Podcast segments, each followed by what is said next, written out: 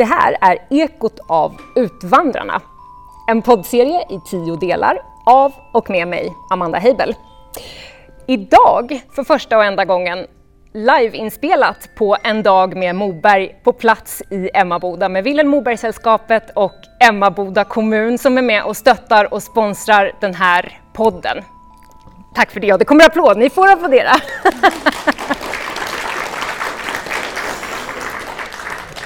Och eh, dagen till ära så sitter jag här med Lisa Karlehed, skådespelare som under dagen här kallas vår tids Kristina därför att du gestaltade Kristina i nyfilmatiseringen av Utvandrarna, sista brevet till Sverige som ju gick upp på bio i julhelgen som gick här 2021. Men där vi sitter nu, det var faktiskt eh, förhandsvärldspremiär här i Emmaboda. Men fint folk kommer sent. Du var inte här då Lisa? Nej, just det. Tyvärr, jag var inte här. Eh, så min premiär var i Stockholm. Eh, men jag hade väldigt gärna velat vara här och jag var väldigt stolt och glad över att den riktiga premiären var här i Mobergs trakter. Mm. Har vi några i publiken som var här då på premiärvisningen?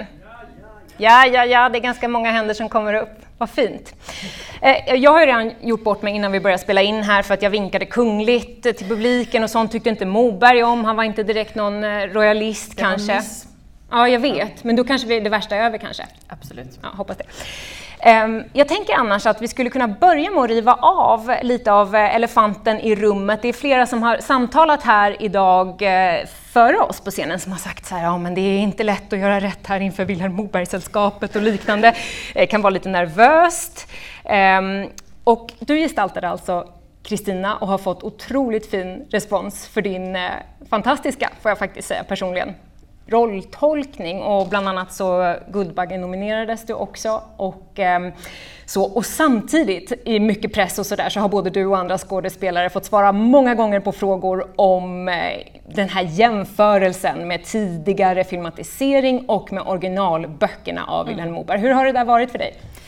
Ja, eh, alltså Just nu så, så, mm, jag tycker att det är lite synd eh, att hela tiden jämföra i och med att vår film är ju inte en återfilmatisering. Det är inte en återfilmatisering av böckerna eller en återfilmatisering av eh, den gamla filmen, utan det är ju en adaption och i det här fallet då en historia om Kristina. Eh, så att filmen får inte riktigt stå för sig själv eh, på det sättet, i och med att man ska jämföra det här som aldrig har varit idén med det eh, från början.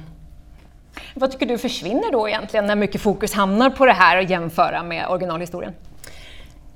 Ja, men alltså, jag tycker att eh, vår film eh, verkligen inkapslar eh, Kristinas resa.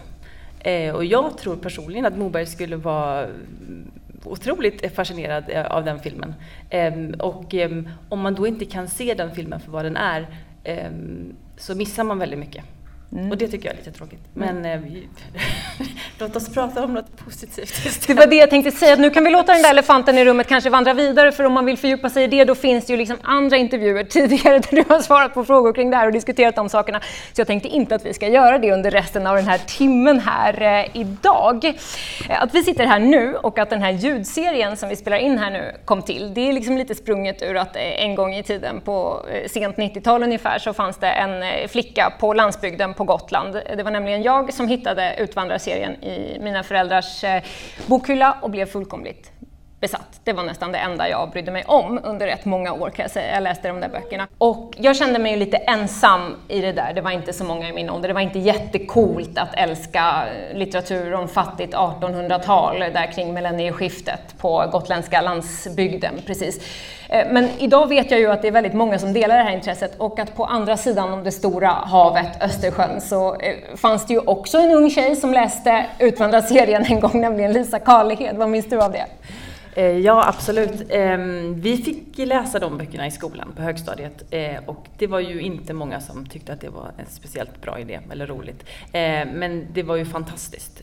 Vi både läste böckerna och såg filmen och jag älskade ju detta älskade det och, och, och de otroliga bilderna eh, som jag har haft med mig hela livet av de röda träskorna som stod där.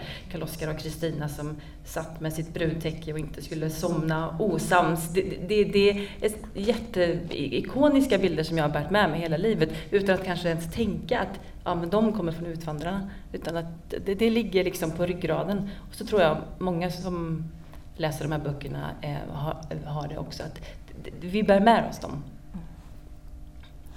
Vem hade du som du kunde dela det där med? Jag pratade om att jag kunde känna mig sådär ensam och liksom inte, det var lite guilty pleasure som man säger med Utvandrarna för det var inte så himla coolt liksom, jag gillar det. Uh, ja, nej, jag, det, jo, min mamma älskar Vilhelm Moberg. Uh, han är hennes husgud.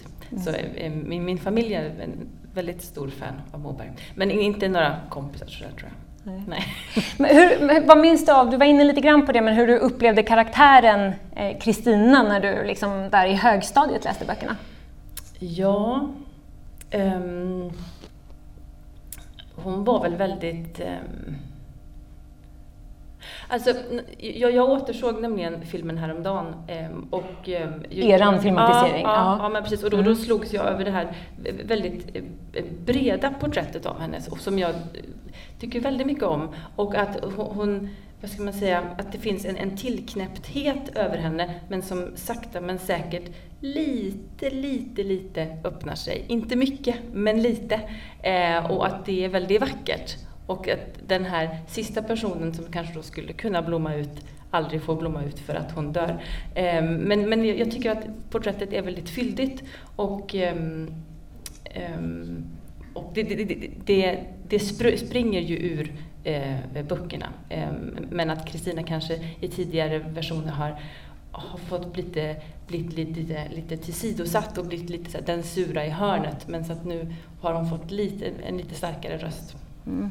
Du visste ju inte då förstås, att du, eh, när du läste böckerna för länge sedan i högstadiet, att du en dag skulle liksom gestalta Kristina. Men däremot så har jag förstått att, ehm, att skådespeleriet fanns med dig väldigt tidigt. Det är tydligt inte minst här idag eh, i Emma Boda, din eh, pappa Ingmar Carlehed är också här och framför ett verk och så vidare. Och när jag läste lite om dig så läste jag att Lisa hon växte upp där i kulisserna på teatern. Det var mycket, eh, uppre det var liksom dödsscenen i Romeo och Julia, väldigt stark dramatik. Och samtidigt insåg jag att Ingmar Carlehed nej men han har också ljudsatt min barndom, för det var liksom rösterna till Piff och Puff och en massa sån här tecknad film.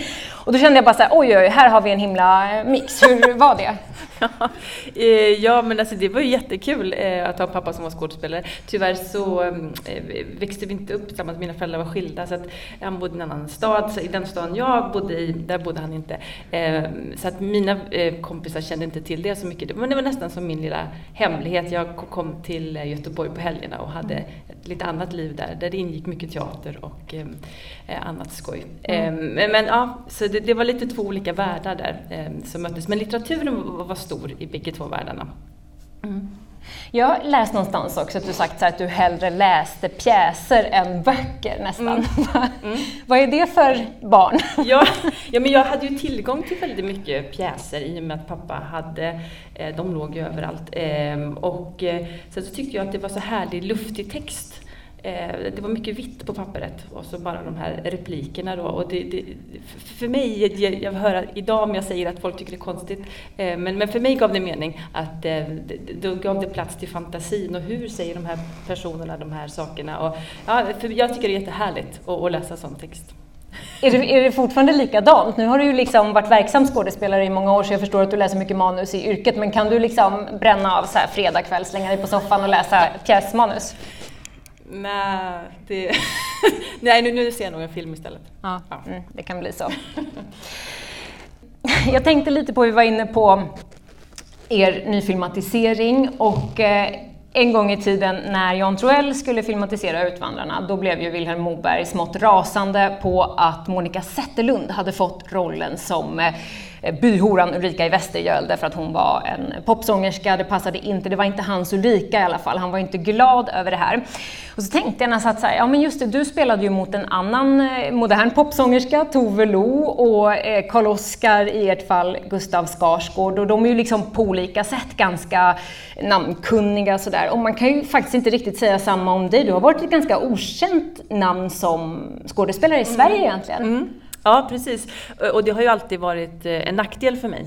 Att det är svårt att få en roll för att man inte är känd nog, för att ens namn inte säljer. Men jag tror i det här fallet så var det plötsligt en fördel. För jag tror att de tyckte det var lite kul att eh, Kristina inte skulle ha ett känt namn utan då var det Kristina som var i fokus. Eh, det var karaktären eh, och inte personen bakom. Så att plötsligt så, ja, så var det till min fördel. Ja, men vad, vad tänker du om det? Alltså jag tänkte likadant när jag såg den, att det var rätt spännande att se liksom, någon som man kanske inte sett så många ansikten. Men vad, om du kan fördjupa det lite, vad är liksom fördelen? Um, ja, men det är väl att, att du inte som då publik bär med dig allt annat du har sett mig göra. Ehm, kanske, och, och att kan se ehm, Kristina för den ehm, person som hon är eh, och inte ha med sig en massa andra bilder. Det, det, skulle kunna vara en av anledningarna. men sen vet jag också att jag, jag tycker att det är väldigt Alltså, Erik har ju valt de här skådespelarna för att han tycker att de passar så bra till karaktärerna. Till exempel då Tove som spelar Ulrika. Alltså jag har ju spelat mot hela Sveriges vad ska man säga, alla kvinnliga skådespelare som finns i Sverige. Hur ska man hitta Christi, eh, Ulrika? Ja, innan Tove fick rollen då? Ja. Har du spelat mot alla i hela Sverige? Ja, ja, många. Det var en lång castingprocess. ja. Det är svårt med det här med Ulrika. Det var väldigt långt eh, och svårt och hur skulle man hitta den riktiga? Eh, och jag tyckte också aldrig, det var aldrig riktigt någon som passade sådär. Eh, men, men då har ju Erik valt ehm, att ge den här rollen till Tove för att han tycker att hon har de kvaliteterna som Ulrika har idag som människa. Att han, han kan känna igen någonting i det som hon är eller hon eh, står för. Och kanske, jag vet inte om det är lite samma med mig och Gustav då, att han, att, att han tycker att vi har någonting som de här karaktärerna har. Mm. Uh, I er filmatisering så ligger ju, som vi varit inne på, fokus är Kristinas historia. Uh, men inte bara själva karaktären Kristina utan jättemycket relationen mellan kvinnorna Eh, som ju faktiskt jag kan uppleva att ni inte har pratat så jättemycket om alls, men som ju är väldigt påtagligt i, mm. i den här filmen. Och någonting som verkligen fångade mitt personliga intresse, det var eh, alla, det är ju många, många scener där Lill-Märta, som är ganska stor i den här, som spelas av Kerstin Lindén, Eh, och många scener med dig då som mamma Kristina. Den relationen får en helt annan plats i er filmatisering. Hur var det där arbetet? Ja, precis. Alltså, Erik har ju velat um, ta fram um, många kvinnor runt Kristina. För att filmen handlar ju om Kristina och hennes relationer till de olika. Um, och till exempel då hennes mamma. Nu är det inte så framträdande i filmen. Men hennes mamma har ju fått en lite större roll, hennes dotter. Vi kan nämna det, mamman där är ju liksom lite mer eh, sätter sig emot kan man säga mm, på ett mm, annat mm, sätt utvandringen och vill inte ens ha egentligen några brev från Kristina som för all del då inte är skrivkunnig. Men... Nej, men, men, samtidigt så är det ju det som sätter ett avtryck, det är ju det som är hela filmen och som så får en rosett på slutet det där, hur det påverkar henne genom hela livet sen, den oavslutade eh, relationen, hur det faktiskt, hur jobbigt det är för henne. Mm. Det är ju det som färgar henne genom hela sitt liv sen. Så det är ju en väldigt, väldigt viktig del av det. Ja, det är relationen till mm. mamman och så relationen till dottern. Så ja. det är liksom flera generationer egentligen kring Kristina som kommer fram ganska starkt. Precis. Och sen så är det ju den här stora eh, relationen till Ulrika. Um, och där är ju, alltså Ulrika är ju inte med så mycket i filmen som uh, allt det hon är och kan och hennes resa är ju inte med utan det är ju bara i hennes relation till Kristina, de scenerna de har tillsammans som framgår. Mm. Det är en scen som jag har tänkt mycket på när jag såg er film. Eh, därför att i böckerna och eh, även i, eh, i den gamla filmatiseringen från 70-talet så är det ju en klassisk scen på ångbåten där dottern Lill-Märta, hon är lite yngre då i de gamla eh, versionerna, där hon försvinner och det blir egentligen upprinnelsen till att Kristina och Ulrika går från ärkefiender i Sverige till att faktiskt bli så småningom då närmsta vänner i Amerika. Byhoran och den här lite mer kyska Kristina kommer varandra väldigt nära därför att Ulrika hjälper till att hitta den här försvunna dottern. Eh, I er version så utspelar sig den här eh, scenen på en tågstation istället i eh, Amerika. Mm. Hur, vad har du för relation till den här scenen? Um, ja, framförallt så var det, kom, det var väldigt jobbigt att spela in för jag skulle springa i de här träskorna uh, en hel dag. Det var så de hade. Ja, det var så de hade det. Var det. Faktiskt det var stenhårt. Ja. Um, nej men uh, precis som du säger, um, här märker eh, Kristina uh, vilka, vilken otrolig kraft Ulrika besitter, som hon själv inte besitter. Eh, hon skulle aldrig kunna göra det. Eh, Ulrika stoppar ett tåg för att rädda hennes barn. Mm. Och eh, där, tror jag, där ser ju hon henne som människa för första gången och tänker wow. Herregud, gör du det här för mig? Ja, men det, det, det, jag, blir helt rörd. ja. ja, jag blev också det när jag såg den och jag såg om den och tänkte på att det var häftigt att se att, eh, för mig personligen var det som att den biten på ett sätt kom fram ännu starkare mm. i, i den här scenen är omgjord och liksom förlagd till något annat, men den är ju upprinnelsen till samma utveckling egentligen mm. mellan karaktärerna. Mm. Och precis som du är inne på så finns det liksom en uppföljande scen där du då, Kristina, eh, tackar Ulrika mm. lite mm. efteråt. Det har lugnat ner sig lite grann. Jag ville bara säga tack för ja. allt du gjorde för, för Lill-Märta och jag hade aldrig klarat det. Nej, nej, nej men precis. Um, och, och, och, och, den scenen är ju väldigt viktig. Den, var också, den har jag också gjort från första castingen på Kristina och genom alla castingar på Ulrika. Ja, det var en sån ja. scen som var viktig för ja, att få den här rollen? Ja, en nyckelscen helt klart. Då har du spelat den mot många? Många.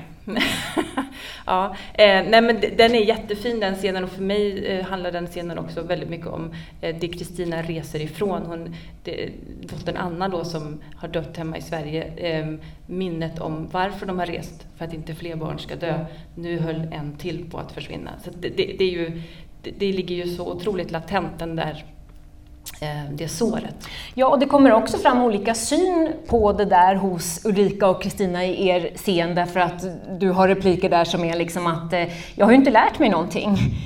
Gud eh, straffade mitt högmod och tog min Anna ifrån mig hemma i Sverige. Nu var jag nära att förlora en dotter till, jag har inte lärt mig någonting och jag har ingen rätt att döma dig Ulrika. Det är ganska rörande. Det, ja, absolut, verkligen.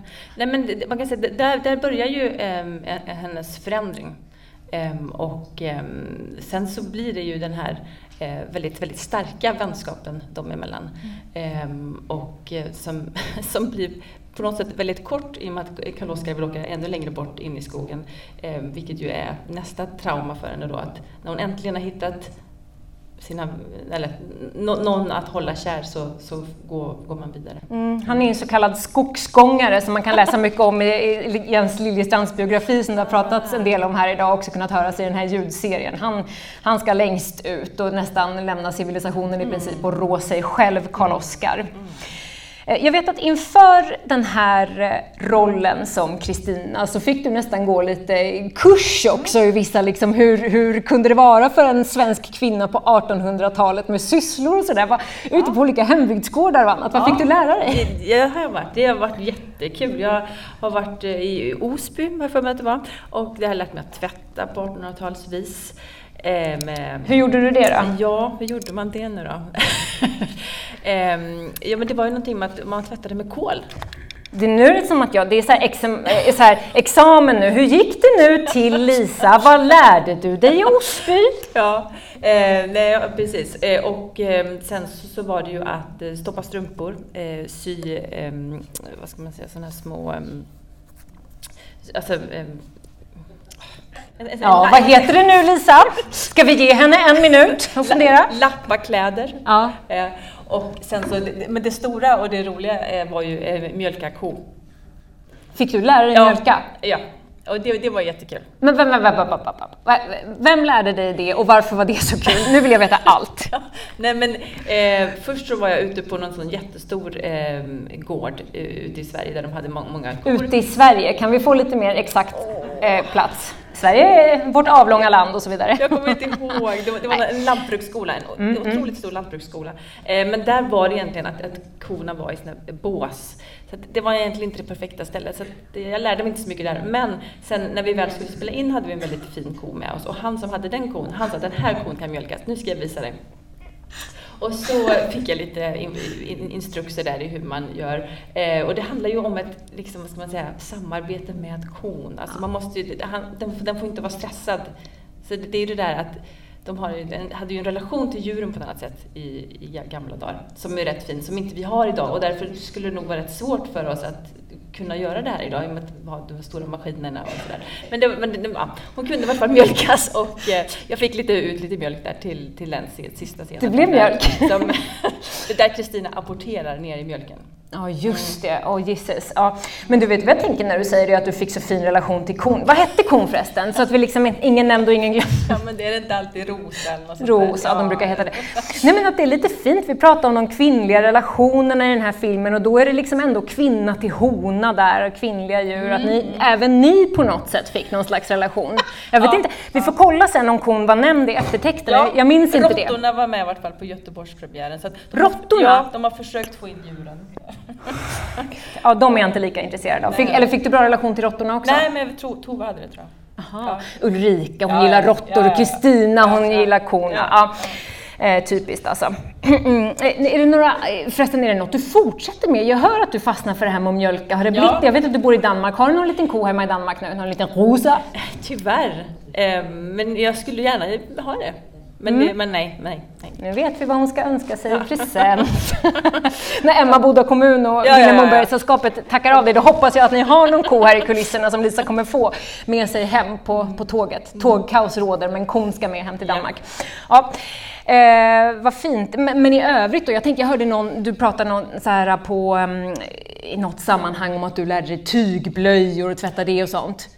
Alltså eller har jag drömt privat, det kanske? Som... Nej men att du fick lära dig inför Kristina, men det kanske var det här med att tvätta med kol. Och då tänkte jag i alla fall så här, undrar om hon fortsätter med det, för du vet att det är supertrendigt. Ja, nu har inte du småbarn längre. Ja, precis. Jo, eh, jo, jag hörde om detta när jag själv hade småbarn, men men jag, jag fastnade inte för det. Det Nej. var så otroligt skönt att bara kunna köpa en vanlig blöja och slänga. Mm.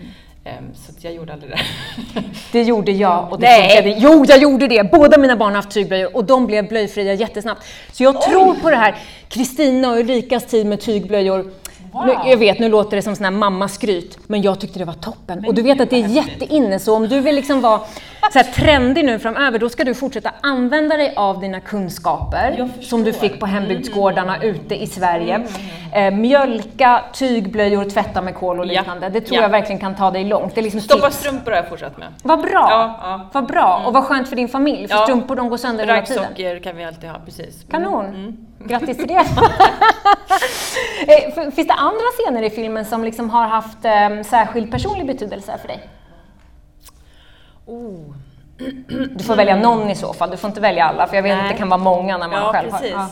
Nej, men jag, då skulle jag nog vilja framhäva um, att Erik arbetade med rätt mycket improvisation eh, runt om eh, scenerna i den miljön vi befann oss i. Så jag vet, eh, till exempel ehm, jag vet att det finns scener med Kristina på båten och hon står med någon sån ehm, handduk eh, över sig i skogen med blad, eh, med gungan. Eh, alltså scener som på ett väldigt poetiskt sätt porträtterar en, en persons sinnesstämning. Mm. Det tycker jag är väldigt eh, kul både att göra men också att se på som publik. Och det tycker jag han fick med rätt många sådana. Det, det, var, det, ja, det tycker jag det, det, höjer en film. Det är väldigt roligt att du nämner mm. det här, för jag var själv på väg in okay. Eh, dit mm. nämligen. Mm. återigen om vi ska liksom återknyta till Moberg och han han, han, när han skrev Utvandrarna, då ville han ju redan då, han hade bild av att det här skulle filmatiseras och det var, han ville gärna ha Bergman och det blev inte Bergman och det var många turer och det blev Jan Troell.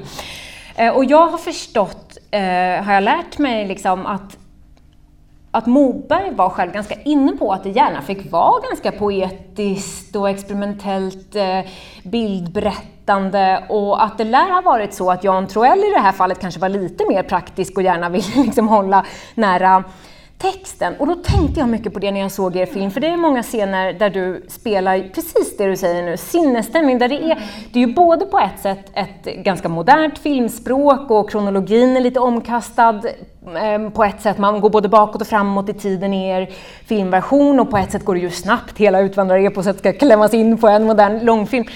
Å andra sidan så finns det plats för precis det som du säger nu, lite mer poetiska mm. bilder. Va, vad är det som slår an en ton hos dig i det där?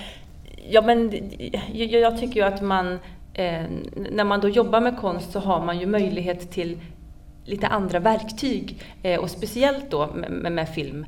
Ehm, att, att kunna göra en, en sån sak istället för att eh, alltid kunna, nu ska vi så här, nu ska vi så här. Alltså det, det, blir liksom utöver det vanliga, det blir utöver realismen, det blir något annat som gör att det, det lyfter upp oss, det ger oss andra associationer och tankar och det är ju helt underbart som publik. Och du, det är inte alltid du kan se det där eller förklara varför känner jag så här nu?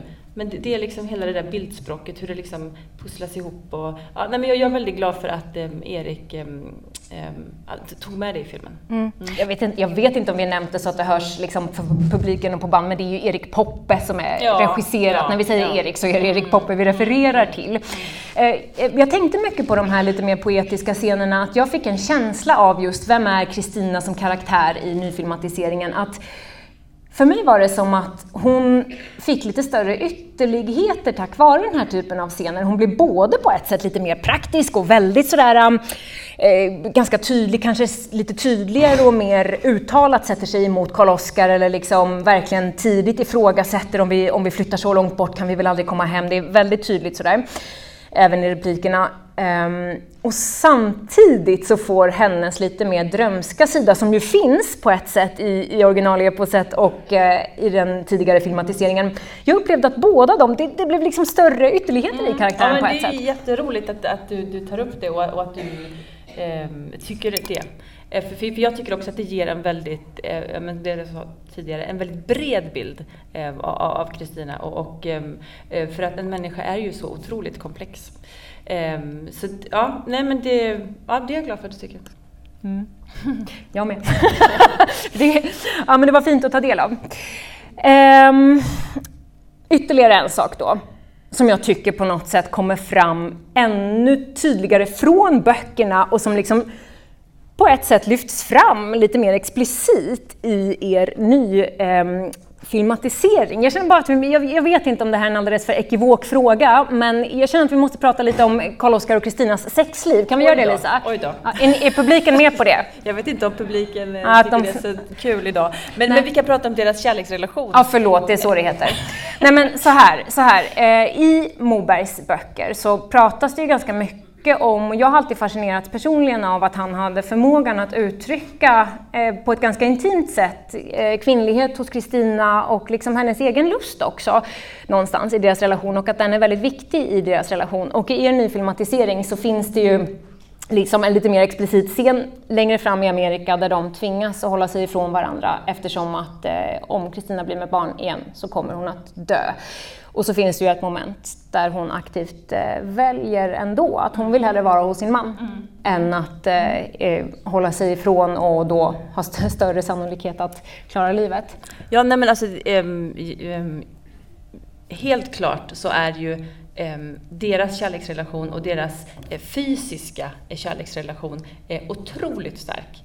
Eh, och deras eh, åtrå eh, mot varandra. Eh, och, och, det var någonting som vi pratade väldigt mycket om, att det, det måste de ha. Och de, det, är nästan som ett, ett klister de har emellan sig. Så fort de tittar på varandra, eller så fort de rör vid varandra, så är de i den eh, eh, zonen, eller vad man ska säga. Så det, det, är jättestarkt eh, och det gör ju deras relation, det är liksom en grundsten för deras relation.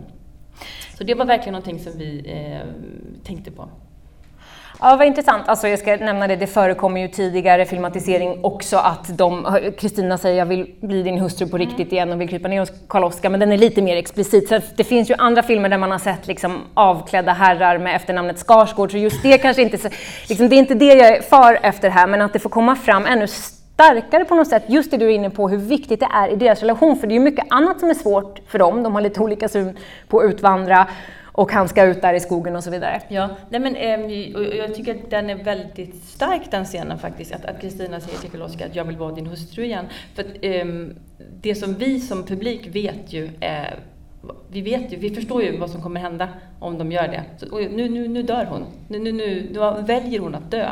Och då, där kommer jag ihåg att jag tänkte eh, för mig själv, men hur ska jag förhålla mig till det här? Tar hon aktivt självmord eller hur tänker hon? Men, men sen så, så tänkte jag att nej, men det här är faktiskt att hon väljer att bestämma över sig själv. Att man inte, precis det där som Karl-Oskar eh, har, att man vill inte att någon överhet ska bestämma. Det är ingen läkare som ska bestämma för mig hur jag ska leva mitt liv. Det är, det är ingen som ska eh, styra det, utan det är jag som ska, ska bestämma över mitt liv. Jag vill ha min man, jag vill ha mina barn, det här ska ingå i mitt liv. Så att, att, att, att hon kommer lite till, eh, ja, att, att det är en, eh, eh, man väljer sig själv, tror jag.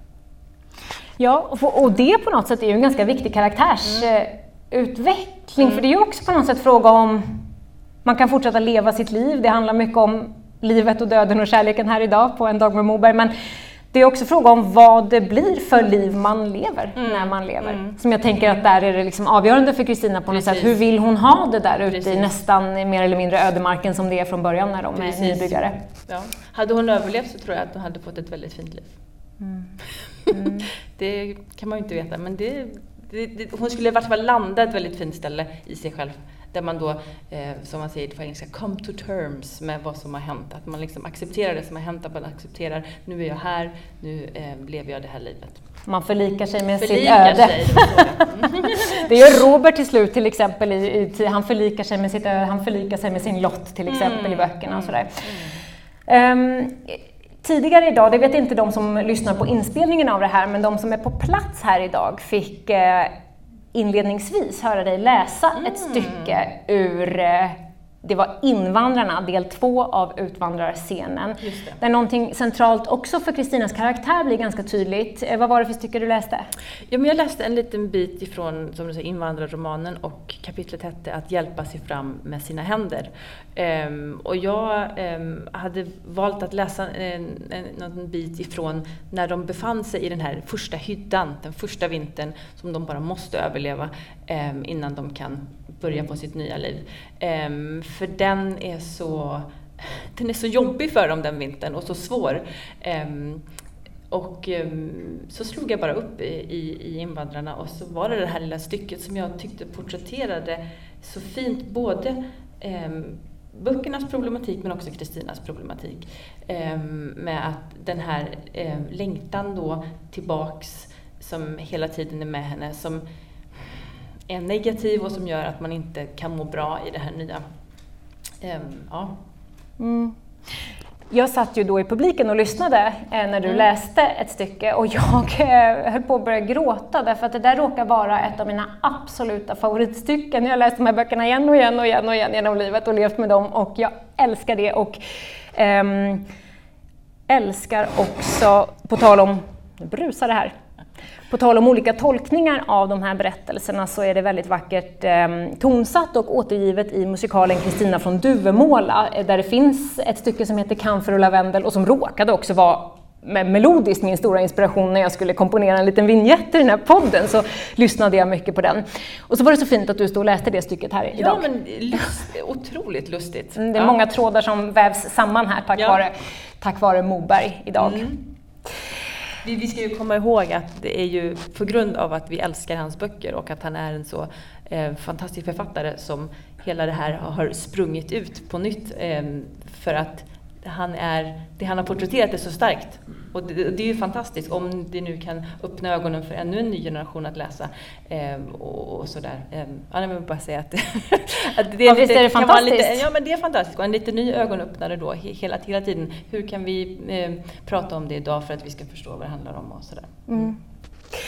Eh, utan att dra allt för stora växlar eh, på den saken så har jag ändå fått intrycket av att du kanske personligen kunnat relatera till och eventuellt plocka lite egna erfarenheter till din rolltolkning eh, som Kristina av just känslan av ett slags utanförskap. Jag vet att du har också i ditt liv utvandrat, inte så långt då, utan till Danmark från Sverige i en helt annan tid, helt andra omständigheter naturligtvis.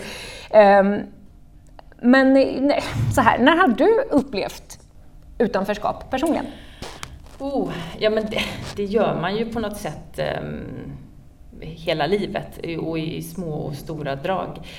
Um, och som skådespelare när man ska porträttera någonting så får man ju såklart att man använder uh, sig själv och hur kan jag förstå det här som den här personen är med i? Uh, och då får man hela tiden försöka dra paralleller till saker man um, har varit med om. Eller, om. Men det, det handlar ju i grund och om att förstå eh, för den andra personen känner. Ehm, men utanförskap, alltså jo, i och med att jag bor i Danmark men är svensk så är det ju en naturlig utanförskap. Eh, och som du säger med språk, jag pratar inte perfekt danska, jag kan prata danska men jag blir Danska är så svårt, förlåt, men jag, har allt, jag tycker det. Och det är så pinsamt att jag kan fortfarande tycka så här, det borde inte vara så svårt. Det är ett språk som på många sätt ligger nära oss. Men tycker du också det, du som har bott så länge i Danmark, att det har varit svårt från början? Ja, är du galen? Det, Nej, det är det. Usch, då behöver man inte känna sig så dum när man kan, för jag har alltid ja. gjort det. Ja, nej, men alltså, eh, och, och, jag blir påmind eh, nästan varje dag om att eh, jag är utlänning och, och sådär. Och det, det, det är lite konstigt. Men, när, vad är det för sammanhang dagligen? Ja, som men, du, jag menar, du har bott där i 20 ja, år, men du ja, känner så, och det är ja, vårt grannland. Ja, ja, Vad kan det vara för sammanhang? Ja, men det kan ju vara att jag pratar med någon som, ah, var, vart kommer du ifrån? Eller att man inte kan uttala någonting rätt. Eller, alltså, det, är, det är hela tiden, men, men nu är jag ju så gammal då så att nu har jag, man, man, får ju liksom omfamna det där istället för att reta sig på det så får man bara säga oh, men vad bra, jag kan faktiskt två språk eller oh, jag kan faktiskt eh, infinna mig med två olika kulturer. Att, att det är någonting positivt och häftigt och någonting, eh, ett plus istället för något dåligt. Mm. Men det tar ju ett tag. Mm. Eh, den här rollen, att eh, spela den i Sverige, blev eventuellt lite mer kanske starten på att du, eh, kan vi tänka oss, kommer jobba lite mer i Sverige eftersom man mycket av din både skådespelarutbildning och senare karriär har varit just i, i Danmark. Och nu vet jag att Utvandrarna, sista brevet till Sverige, ska ha liksom mer internationell premiär och också gå upp i Danmark. Vad har du för förväntningar på det? Oh, ja, men det ska bli jättekul eh, att eh, dels att eh, filmen ska få en internationell publik tycker jag ska bli spännande. Ehm, för där, där tror jag den här, den här jämförelsen kommer inte vara så stark där på samma sätt. Man har inte samma grundrelation kanske? Nej, till... och man, jag tror man, man ser filmen mer för vad den är och jag tror också att eh, alltså, filmen har ju starka paralleller till vad som händer idag. Alltså, bara det är krig någonstans i världen och det är det ju just nu så är det ju människor som flyr, människor som lämnar sina hem, ska hitta nya. Den är otroligt, otroligt aktuell. Um, så att jag, jag, tror den verkligen kommer beröra. Och, och då, jag ser också väldigt mycket fram emot att um, komma till Norge i och med att det är Eriks hemland. Erik är ju deras stora... stora... Norsk regissör, svensk huvudrollsinnehavare mm. men med liksom mm. ditt liv och karriär i mm. Danmark och sådär. Så det finns mycket här kring. Ja, men precis. Den är nordisk på det sättet. Men det ska bli jättekul att komma eh, till Norge eh, och premiären där eh, och höra vad de tycker om honom och filmen. Ja, det ska bli jättespännande. Mm. Vad har det Eh, in, vad har den här rollen inneburit för dig på olika plan? Det, det kan vara en ganska öppen fråga. Ja, eh, nej men alltså för mig så har det personligen varit en fantastisk resa. Eh, och inte minst eh, som skådespelare att få, få, ta på sig en så stor ehm, roll eh, att få den tilliten av både SF eh, och eh, sen eh, regissören att han menar att ja, men jag tror på att du kan porträttera det här. Wow! Nej, men det, ja, hur, var, hur var den ja. känslan? Ja, men det, det, jag, vet inte, jag börjar typ gråta bara tänka på det. Nej, men alltså, ja, det, det händer det, någonting i dig nu när du pratar om det. ja, nej, Vad är det du känner? Nej, men jag blir väldigt rörd. Ja, och det, men att, att någon tror, tror på en, det, det är väldigt stort. Vad betyder det för dig? Ja, men jag tror det betyder att, um, att man har nått dit man kanske gärna vill nå, någonting man alltid jobbat för och uh, ja, att det är ett steg på vägen i, i, i den riktningen som, som, som jag vill gå. Mm. Och så är det en sån rolltolkning som ju talar till liksom äldre generationer och eh, säkert på många sätt till, till yngre generationer mm. som kanske ser den här nya filmen mm. idag och som du säger kanske mer för tankarna till människor som av olika anledningar söker nya mm. hem mm. idag. Mm. Ja men precis, det, man kan se den med många olika eh, perspektiv. Så. Mm. Men, jag, men jag, jag, jag, är helt säker på att eh, alla kan relatera till Eh, Kristinas resa. Mina, mina barn var där och såg de är 12 år, de satt och störtbölade de tyckte det var fantastiskt. Alltså det, um... Var det en, en ovanlig reaktion från skådespelar ja, jag tror det. Lisas ja, döttrar? Ja, ja. Nej, men det, det, jag, jag tror att den, den talar till alla som kan följa med på hennes resa. Mm. Mm. Eh, I, Christi, I, rollen som Kristina och vad jag har förstått även i vissa tidigare roller som du har tagit dig an så har det varit ganska mycket stora känslor, mm. rätt så mycket dramatik. Och samtidigt så vet jag då, bara liksom lite kort när vi är inne på din skådespelarkarriär, att Det första i princip som du gjorde efter det här och som är på väg upp och kommer gå att se på, på diverse plattformar framöver, det var romantisk komedi. Det var ett ja. stort hopp från Kristina ja. till en, en romcom. Ja men verkligen, jag har precis inspelat en romantisk komedi här i, i våras och jag var livrädd. Varför jag, det? Ja, men jag har alltid bara gjort drama. Eh, jag, jag kände mig trygg i det. Eh, porträttera, liv och död och de stora känslorna. Och det är helt klart där mitt, mitt intresse ligger. Ehm, men jag kan ju såklart också andra grejer, men jag, jag har bara aldrig provat det. Ehm, men hur var det då? Nu vet du, för ni har spelat in. Hur, hur var det? Ja, det var fantastiskt. Eh, och det var ett fantastiskt skådespelargäng. Den ena skådespelaren bättre än den andra verkligen. Ehm, och fantastiska människor. Ehm, så att det har varit jätte, jättekul och jag kunde ju använda mig av allt. Ja, men det där med att jag, jag, kan fortfarande använda mig av mig själv, eh, bara att det är en annan genre. Det där kanske jag hade trott att jag liksom, man ska uppfinna sig själv på nytt, men det, så var det inte. Förstår du vad jag menar? Jag kunde fortfarande använda mig av, av det jag kunde. Mm. Mm. Lite tillbaka till en liten stund här, eh, till karaktären Kristina. Vilken vilken sinnesstämning kommer liksom till dig när du tänker på henne? Vi sitter och pratar om hur det var att få den här rollen och sådär, men det är en ganska lång process som du har ägnat åt att sätta dig in i den här historien. Vad är liksom starkast hos dig när du tänker på och känner in Kristina? Alltså vilken sinnesstämning som, skulle, som porträtterar henne? Mm, vad kommer till dig? Ja, men det är väl um, en, form, en form för um, melankoli um, och också strävan, men faktiskt något som jag kom att tänka på när jag läste den här texten idag, det där med att även fast man då tänker och grubblar och har de här eh, idéerna och tankarna så måste man jobba vidare. Det fanns inga pauser. Du, du, idag kan vi sitta och vi kan liksom använda mycket tid på att göra ingenting, men det, det var inte så. Utan du hela, hela, hela tiden arbetar. Barnen ska få mat, du, du, du ska ut och mjölka, du ska ut och hugga ved. Alltså det, det var inte tid till det. Så att det hela till de här sysslorna eh, som gör att du på något sätt kommer tillbaks till verkligheten. på något sätt så, så, tror jag också att det räddade henne, att inte gå in i, om man pratar med dagens ord, en djup depression eller sådär, utan att, att du hela tiden måste vara aktiv. Um, för så var det ju. Um, men det där kan ju också göra att det inte, ja men du är lite inne på det, men att det inte fick något, något utrymme mm, för mm, mm, mm att känna. det är intressant att tänka på vad som hade hänt med henne om hon nu tvingades mm. stanna upp av en eller annan anledning. Liksom. Ja, men, ja, men precis så var det ju. Det, det fanns inte tid till, till att grubbla, men då, då ändå eh, så är det ju de här små, små eh, inflikarna, eh, den här lilla sekunden precis när hon ska sova. Alltså, de här små ställena, där, de här glimtarna där det kan komma ut. Eh, men precis, hade det fått lov att var där ännu mer så, så tror jag det var svårt för henne att orka med. Om det hade fått fylla ännu mer. Då hade man nog inte kunnat ta hand om sin familj. Mm. Mer så. Mm. Mm. Vad har hon äh, lärt dig? Oh. Förutom det med mjölka och det, ja, det har jag förstått det, att det kom liksom på köpet med det, det här.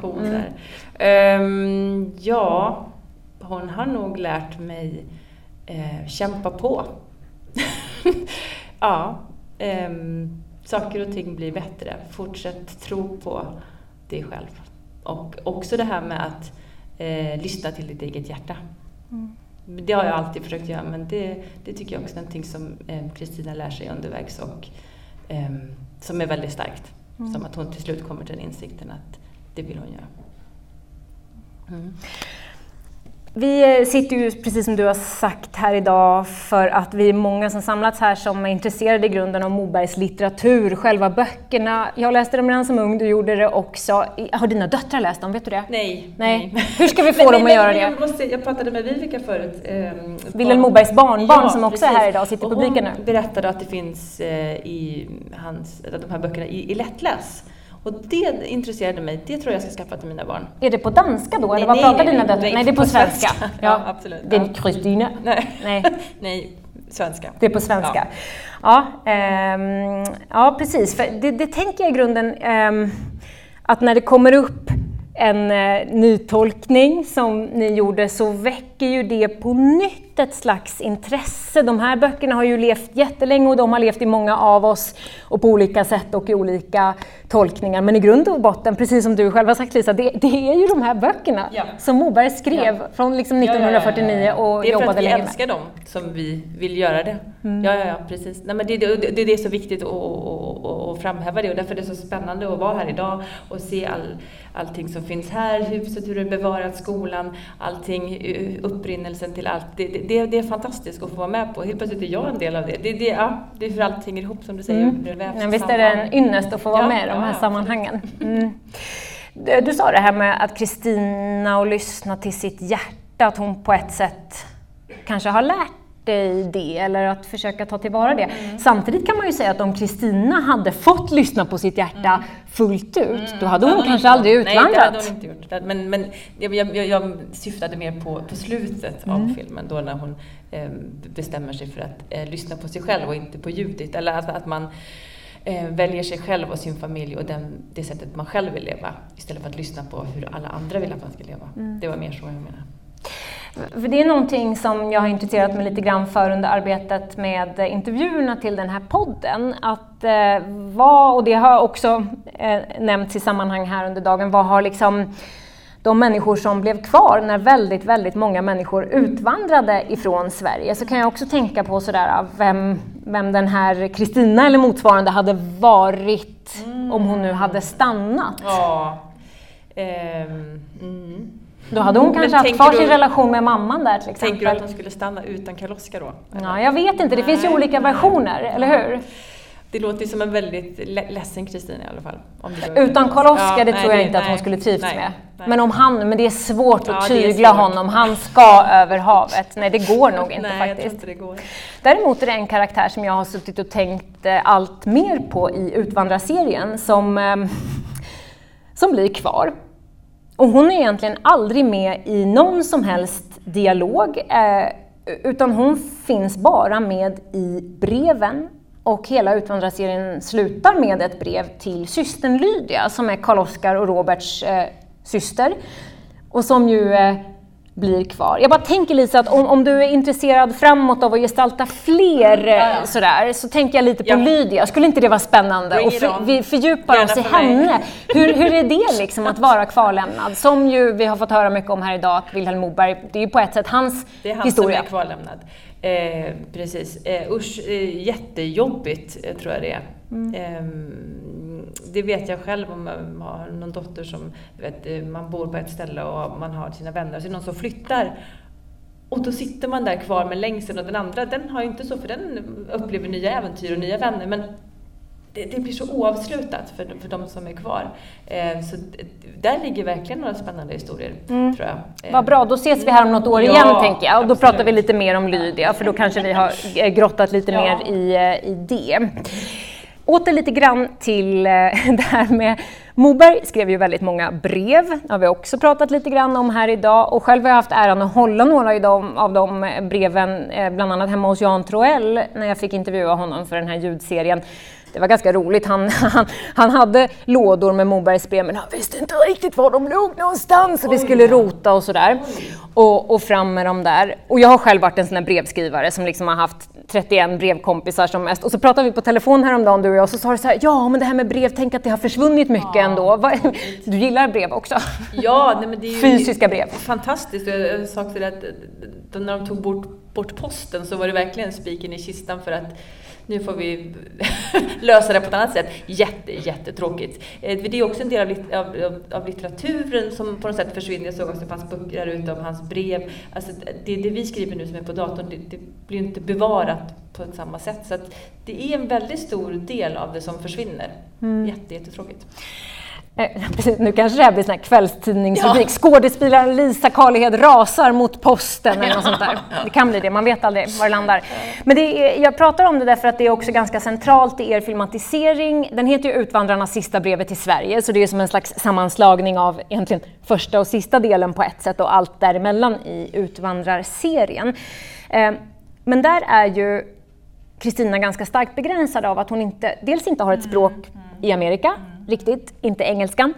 Ehm, men också det att hon eh, inte inte kan skriva riktigt Nej. på det sättet som hon kanske skulle vilja och mamman som hon i er version har lämnat eh, i Sverige vill knappt ens ha några brev ifrån henne. Så det, är ju liksom en ganska, det var hennes eventuella kommunikationssätt men hon var ganska begränsad ifrån det. Precis, alltså, nej, men det, är, är två saker eh, som du säger där. Eh, och det här med språket, det är ju eh, verkligen en av de stora sakerna eh, i förhållande till, om man då ska jämföra med idag och integration, eh, de människorna som kommer hit och barnen då som får lov att gå i skolan, männen kanske ute och agerar i samhället och kvinnorna sitter hemma, kan inte språket, får inte lära sig språket och därför har en otroligt begränsad möjlighet till att eh, ja, men integreras i samhället. Eh, det blir närmast omöjligt. Och det är också, eh, vet jag, en sak som Erik vill lyfta fram med den här filmen, eh, just den problematiken.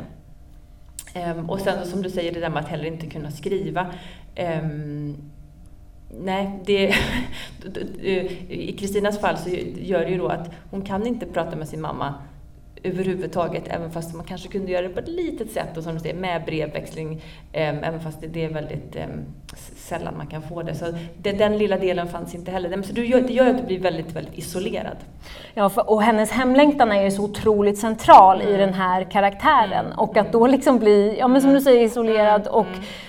Också gå miste om den där nästan enda Ja. möjligheten med ja. en fortsatt kontakt ja. med hemlandet ja. är ganska stark. Ja men verkligen.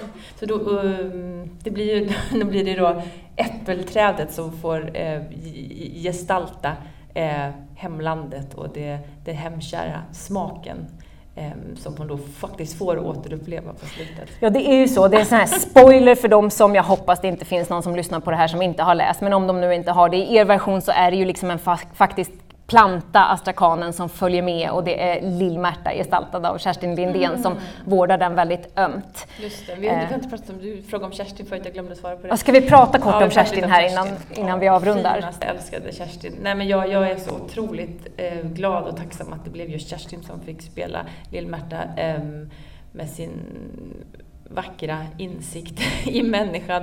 Hon gör det så fint. Eh, eh, en väldigt ung skådespelerska som 12 ehm, 12 år när ni mm. spelade in och hon har ju en väldigt stor roll. Efter Kristina så är det, det är ju mycket Kristina och Lill-Märta det handlar om i det här. Mm, nej men det var helt, jag var lite orolig eh, i och med att eh, eh om man visste då att den jag ska spela bäst med är ett barn Ja, hur ska det här gå? Eh, men, men alltså det var över all förväntan och Kerstin är en fantastisk stjärna och, och vi blev ju en liten familj, eh, hon och jag och Gustav och vi håller fortfarande kontakten idag. Och, nej, det, är, det, det är så, eh, så stark. Se, mm. se den på grund av henne. Ja precis, om man inte sett filmen så om inte annat, se den, se den för det. Se den för att se Lisa och se den också för att se Kerstin. Det ska bli roligt att följa hennes mm, resa verkligen, också. Ehm, jag tänkte här nu, nu är det här eh, allra sista avsnittet av eh, Ekot av Utvandrarna och då tänkte jag på det här med språket och vi pratat om att Moberg när han var liten och ville skriva så blev han också på ett sätt begränsad. Han var ju lite motarbetad i det här med att skriva redan som barn. Hans mamma var inte kanske eh, jättemycket för det och han skrev lite i smyg. Och även senare när han blev journalist och författare så fanns det liksom en del i det där. Och att det är så väldigt viktigt, litteraturen som vi samlas kring och att få möjlighet att ha ett språk och uttrycka sig. Och så satt jag och tänkte på Utvandrarnas sista brevet till Sverige, alltså sista avsnittet här av min lilla podd. Och då tänkte jag så här, ja men då kanske jag ska skriva sista brevet, så får Lisa få ta emot det, men det får bli till alla som har liksom Eh, varit med och sett till att, eh, att, det, ja, men att den här lilla ljudserien har kunnat bli av. Och det är ett väldigt, väldigt kort brev. Men då tänkte jag så här, ja, men då återanvänder jag lite av dina repliker i eh, Utvandrarna, för det är väldigt inne med återanvändning och allt det här som vi var inne på, att stoppa strumpor och så. Och sen också att man kan, det är också på modet att ta en originalhistoria eh, och sen kan man göra om den lite grann och någon kanske blir sur och så, men det kan komma något gott ur det ändå. Så då tänkte jag, då tar jag dina repliker i det här fallet och så gör jag om dem. Jag fick, ja, jag tänkte jag läser upp, det går väldigt, väldigt snabbt här nu då. Um, och, och, och, så här, och jag har fått, egentligen skulle det vara mm, mm, Lill-Märta, det fick jag ta bort och ändra till berättelsen om utvandrarna. Så att, ja, det är lite omtolkning och så. Men, men avslutningsvis då, eh, och då tänker jag sista brevet till Sverige, det är också alla i Sverige som har velat vara med och lyssna på den här serien. Det är väldigt, väldigt kort. Men kan vi få lite stämningsfull musik tack? Nu kommer det här då. Det här skulle sagt till Ulrika från Kristina. Här, är du med då? Jag vill bara säga tack för allt du gjorde för att eh, föra berättelsen om utvandrarna vidare. Jag hade aldrig klarat det. Det måste ju finnas en mening. Där var det slutbrevet, det var bara det. Tack Lisa Karlheden, stor applåd för Lisa. Tack Emma Boda kommun som sponsrar den här podden. Tack till alla publiken, Vilhelm Moberg-sällskapet och till er som har följt med. Det här är Ekot av Utvandrarna. Tack så mycket.